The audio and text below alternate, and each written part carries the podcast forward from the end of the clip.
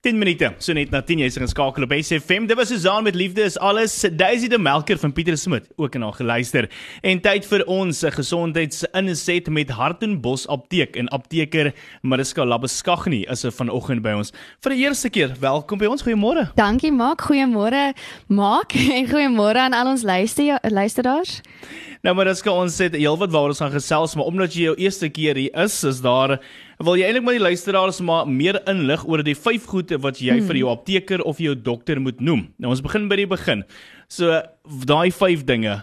Gesels moet ons oor die vyf dinge wat jy vir jou apteker of jou dokter moet noem en hoekom hierdie onderwerp so belangrik is. Okay, maak voordat ek net hier gaan wegspring, dink ek is belangrik dat ons eers 'n paar terme duideliker maak. So Stephanie Bernal na navorsing gesê het, vir effektiewe kommunikasie om plaas te vind, moet ons in dieselfde taal praat of ten minste net die betekenis van die kernwoorde verstaan.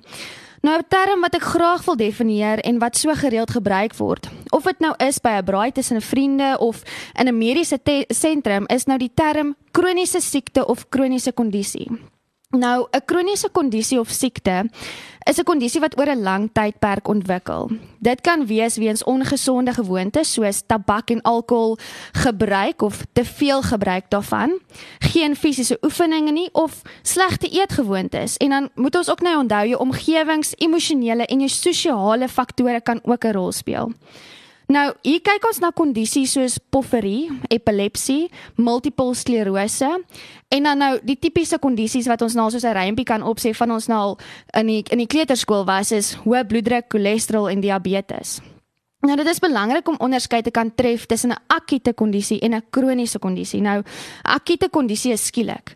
Dit word veroorsaak deur 'n virus, bakterie of selfs 'n besering. En hier gaan ons nou kyk na 'n ou wat 'n sportsoort uitgeoefen het en 'n besering opgedoen het of iemand wat verkoue het. Nou, dit is vreeslik belangrik dat jy as custodian van jou eie gesondheid moet optree. As jy nie jou akute toestand gaan bestuur nie, kan dit omsit in 'n kroniese kondisie. Nou kom ons vat iemand met 'n familiegeskiedenis van diabetes en ek gaan hierdie iemand sommer nou Ina noem. Nou Ina kom in die apteek en sy voel verskriklik sleg. En sy sê ook vir my sy is in 'n vas in 'n kondisie, so dit beteken sy het vir 8 tot 10 ure nog glad nie geëet nie. Ek neem haar bloeddruk en haar bloedglikose en haar bloedglikose waarde is 8 millimol per liter. Nou hierdie waarde klassifiseer haar as prediabetes en maak ek wil net vir jou sê as sy nie gaan kyk na haar leefstyl nie lê die diagnose van di diabetes vir om die draai. Nou wil ek ook 'n meer praktiese voorbeeld vat of iets wat meer alledaags voorkom is jou jeug of gout aanvalle. Nou, ek kom weer eens iemand in die apteek en ek gaan hierdie iemand sommer nou oom Tox noem. Nou oom Tox braai elke Sondag die grootste stuk beef en boerewors en dan sluk hy dit ook nou af met 'n paar biere en elke maandag kom soek hy besoek hy na die apteek en nou kla hy oor sy groot toon wat seer is of sy linker gewrig wat bietjie styf is. Nou, hierdie rake rotine vir oom Tox. Hy behandel lankal nie meer die oorsaak nie, maar die nagevolge en jy moet onthou, voorkoming is beter as nasorg. En dit is hierdie tipe gedrag wat 'n akute toestand omskakel in 'n kroniese toestand. En as jy nie jou kroniese toestande gaan bestuur nie, kan dit ook verdere komplikasies veroorsaak. So Hierso kyk ons na ouens met diabetes. As jy jou bloedglikose gaan sleg bestuur, dan gaan dit lei tot komplikasies van die hart, jou niere, jou voete en so kan ek nou aangaan. En epilepsieleiers, as jy nie gaan die goed wat jou aanvalle veroorsaak na bestuur nie, gaan meer gereelde aanvalle veroorsaak uh, voorkom en dit kan lewensbedreigend raak. En dan die laaste ding wat ek wil noem is MS leiers. As jy nie die nodige leefstyl aanpassings gaan maak nie en jy uh bestuur nie jou MS nie, dan kan dit lei tot waar jy sekere funksies van jou liggaam verloor. En ja, ons gesels vandag met 'n Mariska Labeskagni en ja, sy is baie baie passievol ons gesels oor wat die dinge is wat jy vir jou apteker en jou dokter moet noem. Ons gaan eens musiek maak en dan gesels ons verder. Dis so bly geskakel hier op SFM. Tyler Rich op SFM. Feels like home. 18 minute, so net na 10 op SFM. Ek gesels met uh, Mariska Labeskagni van Hartenbos Apteek en ons gesels oor daai belangrike dinge wat jy vir jou dokter of apteker moet sê as jy daar instap. Mariska, soos ons nou gesien het, die wanbestuur van jou gesondheid kan lei tot waar 'n akute kondisie omskakel in 'n kroniese kondisie of waar 'n kroniese kondisie verdere komplikasies ontwikkel. Nou wat is die 5 goed wat jy aan jou apteker of dokter moet noem? Ok, nou goed, maak nou dat ons dieselfde taal praat, voel ek ek kan aangaan met die onderwerp. So die eerste ding wat ons jou gaan vra of wat jy aan my gaan moet noem is jou persoonlike inligting en dit is nou onder andere jou naam, van huisadres, kontaknommer. En dit is nie die nie net die wet wat vereis dat ons alle medikasie vanaf skedule 1 in die apteek se rekords moet opteken nie, maar hierdie inligting kan so handig raak as ons byvoorbeeld opspoor dat daar 'n fout met jou voorskrif is. So ek moet weet wat se oproep om te maak na watse nommer toe en dan watse huise deur moet ek kom klop. So ek wil jou maar net ook in dieselfde asem sê, as jy as jy kom, wees maar daar ekstra 5 minute bietjie geduldig en los my jou foon en wees deursigtig met die inligting wat ons gee want soos ek gesê het, dit kan regtig handig raak. Dan die tweede ding wat ek jou gaan vra is is jou mediese fonds besonderhede. So as jy aan 'n mediese fonds behoort, gee ons vir daai jou gee ons jou inligting want ons kan vir jou eis by die mediese fonds. Jy het nie nodig om dit self te doen nie. En ek weet hierdie punt klink nou heel onnodig en eintlik voor die hand liggend, maar ek kry nog steeds mense so een of twee kliënte 'n jaar wat in die apteek inkom en wat nie hiervan bewus is nie. Die derde punt wat ek wil aanraak is sommer twee dinge wat ek wil gelyktydig aanspreek en dit is jou mediese kondisie of jou mediese geskiedenis, jou medikasie geskiedenis en jou huidige medikasie. Nou Daagliks kom mense nog steeds in die apteek om oor die toonbank medikasie te kom haal en keer op keer laat hierdie kliënt nog steeds hierdie twee uiterse belangrike punte uit. Jy moet dit eintlik vir my saam met jou rede vir besoek aan die apteek sing. So ek gaan nou weer terug gaan na hom talks toe.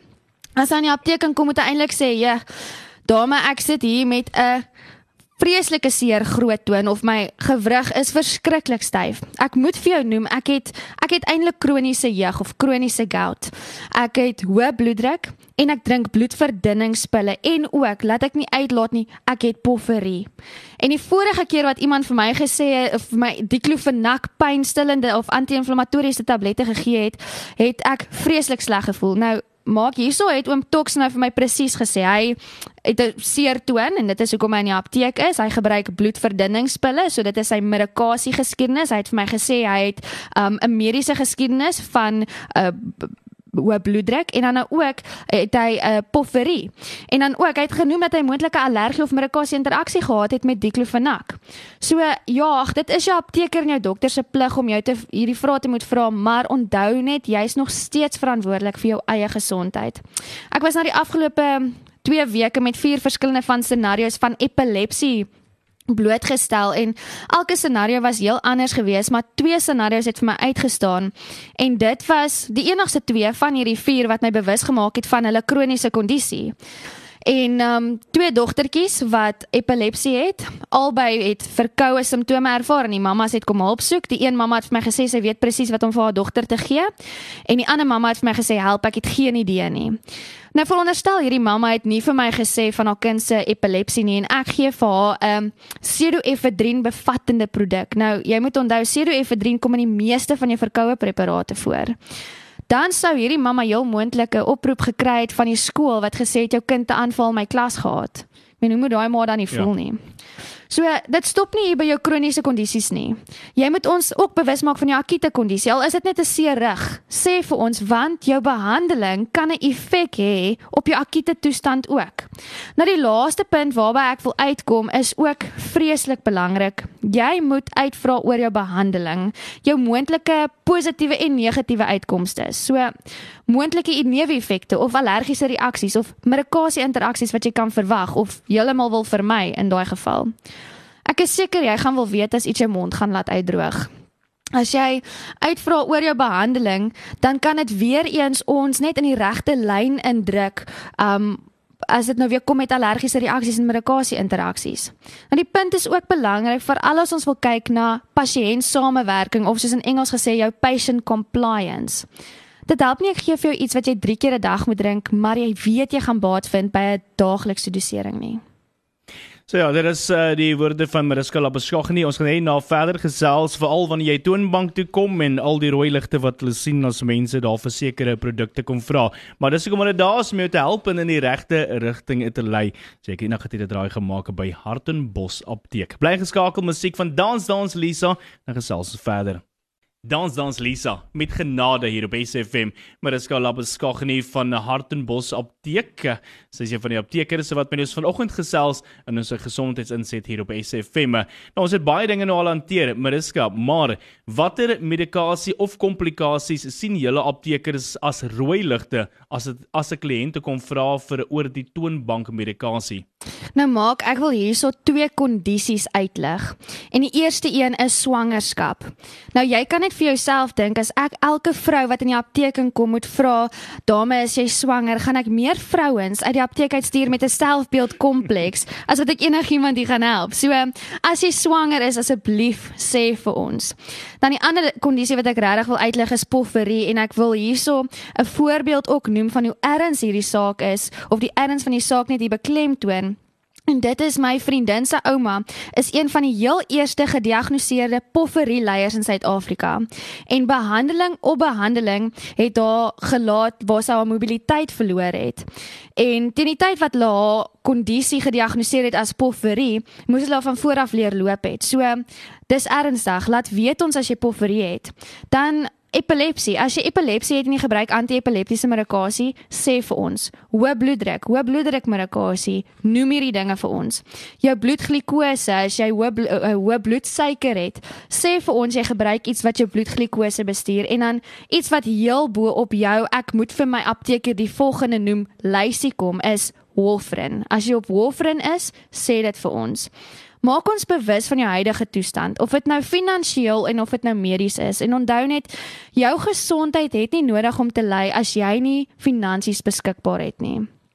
Noem ons jou medikasie, jou allergie, jou vorige geskiedenis en reaksies en deel met ons jou bekommernisse. As jy nie kan bekostig om vir 2 weke weg te wees van 'n spesifieke sportsoort nie, sê vir ons in ons werk ons behandeling om dit vir jou uit.